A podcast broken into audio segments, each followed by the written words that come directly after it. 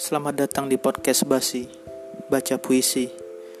Karena dengan kata, kita bisa menjelaskan rasa.